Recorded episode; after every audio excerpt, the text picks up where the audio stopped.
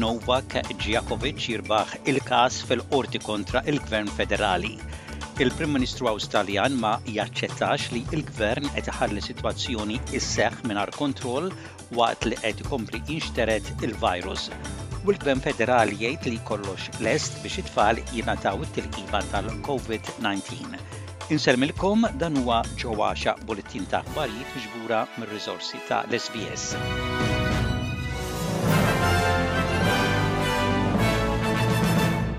Nibdew bl-aħbar li ilha tiddomina l-aħbarijiet mhux biss fl-Awstralja imma madwar id-dinja li t-tenista internazzjonali Novak Djokovic rebaħ il-każ fil-Qorti kontra l-Gvern Federali wara li kien miżmum f'detenzjoni ta' l-immigrazzjoni f'Melbourne.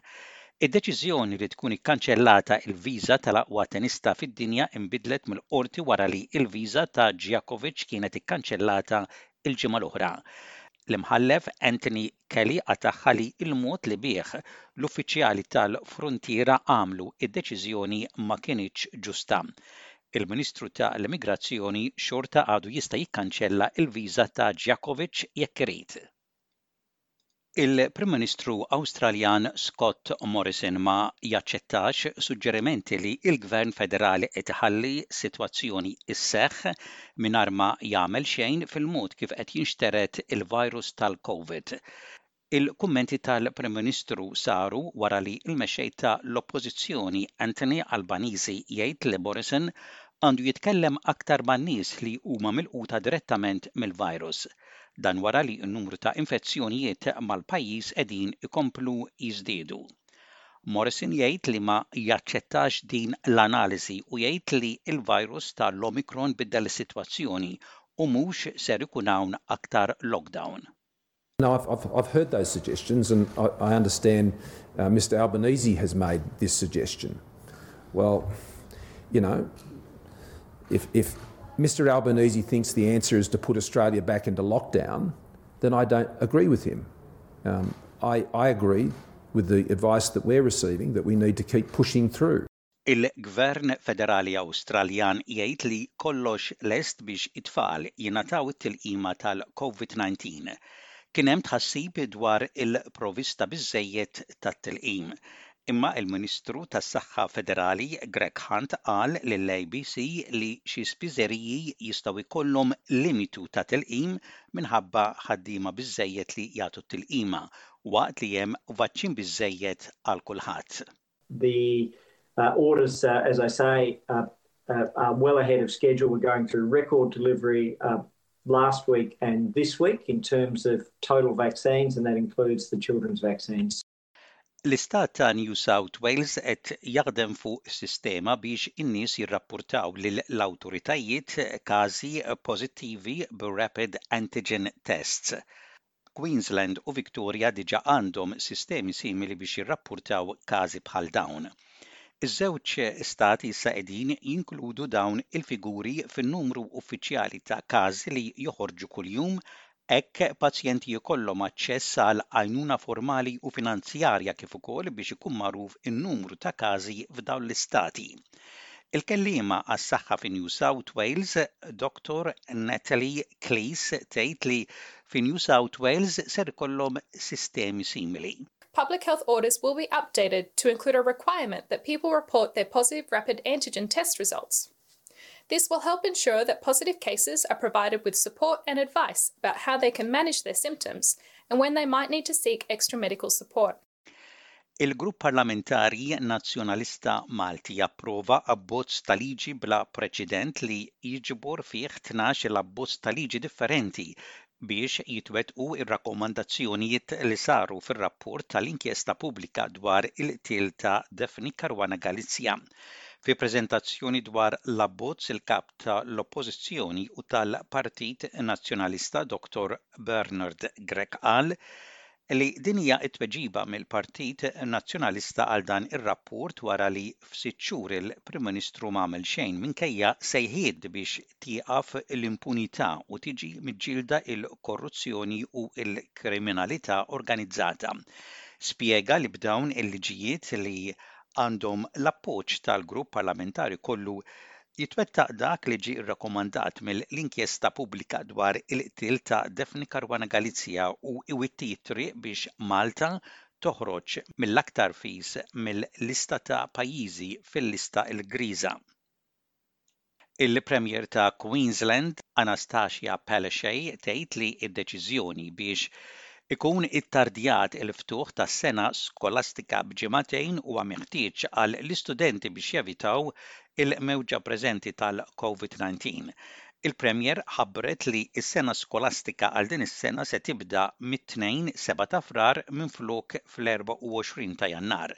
Studenti ta' Year 11 u 12 se jispiċċaw is-sena skolastika fis-16 ta' Diċembru minflok fid-9 ta' Diċembru.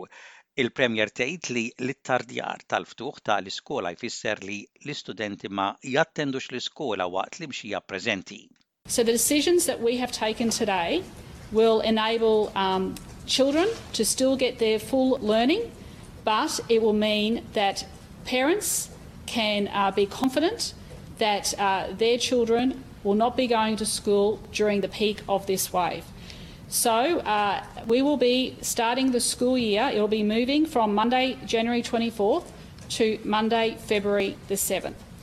This is a delay but it is a necessary delay because of the wave that Queensland will be experiencing.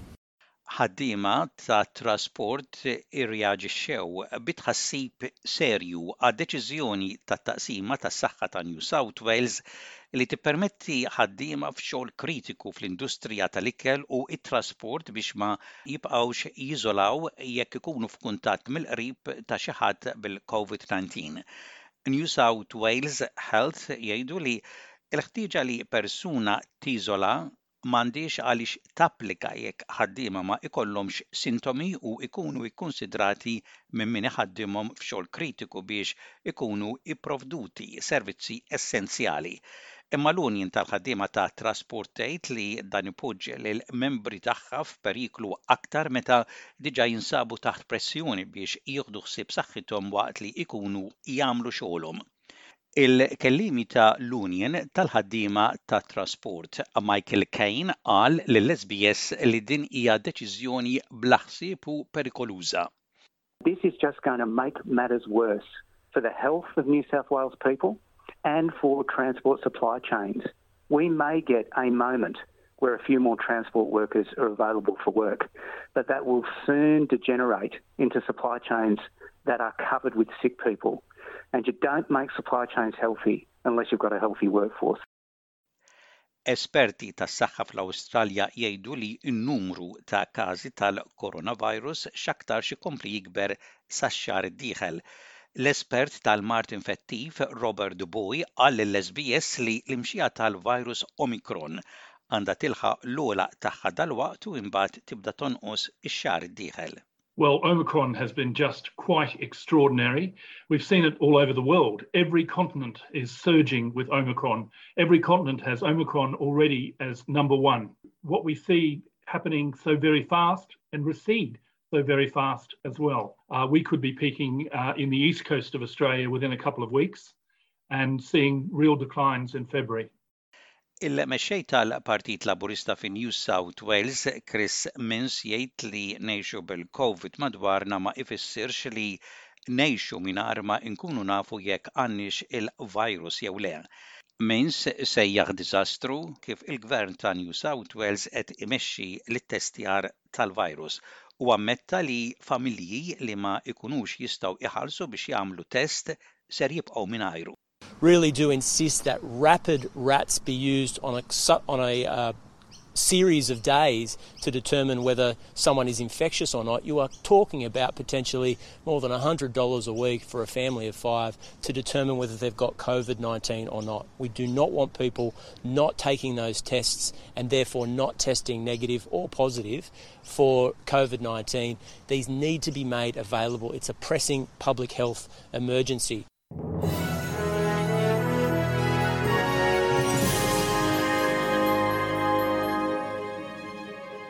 Fl-isport, telgħu l-poloz ta' l-FA Trophy, 32 tim kienu parti minn din il-polza, tnax mill-Kampjonat Premier Malti, ħmistax miċ-Challenge League, tnejn minn National Amateur League u tlieta oħra minn Għawdex. Fl-aktar logħbiet interessanti Balzan telgħu biex jilagħbu kontra Pietà Hospers filwaqt li Harbarians se jaffaċċjaw lit-tim Għawdxi ta' Nadur Youngsters. Iċ-champions Ħamrun Spartans jaffaċċjaw lil Naxxar Lions filwaqt li f'logħba oħra bejn tim Malti u tim Għawdxi, Floriana jilagħbu kontra Għajnsielem. l-unika logħba bejn żewġ timijiet tal-Kampjonat Premier, Santa Lucia jilagħbu kontra Sirens. Intant dawn huma s-sittax-il partita li ser ikunu qed jintlagħbu fit-tmienja, disa' u għaxra ta' Frar. Żebbuġ jilagħbu ma' Saint Andrews, Gżira United jilagħbu ma' Żabbar Saint Patrick, Sliema Wanderers jilagħbu ma' Vittorjuża Stars, Birkirkara jilagħbu ma' Fgura, Balzan jilagħbu ma' Pietà, Floriana ma' Għajnsielem, Marsa kontra Tarxin Rainbows, Żejtun Corinthians kontra Xewkija Tigers, Santa Lucia ma' Sirens, Gudja United kontra Swieqi United, Pembroke ma' Marsaxlokk, Musta jilagħbu ma' Luqa St Andrews, Ħamrun Spartans jilagħbu kontra Naxxar Lions, Melita kontra Saint George's, Marsaskala kontra Valletta u Harborians jilagħbu kontra Nadur Youngsters.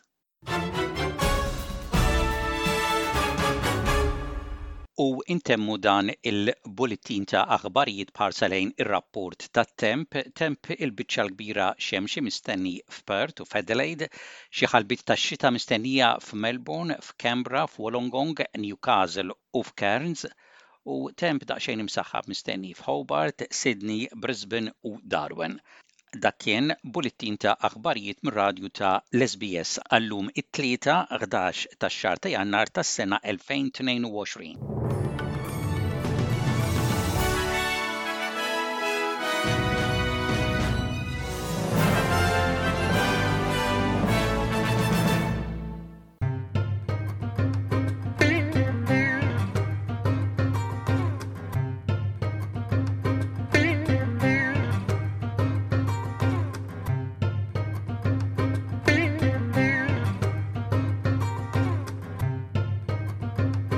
Il-Konsulat Ġenerali f'Sydney għalissa għadu magħluq minħabba s-sikurtà ġenerali tas-saħħa ta' l-istaff u l-pubbliku inġenerali.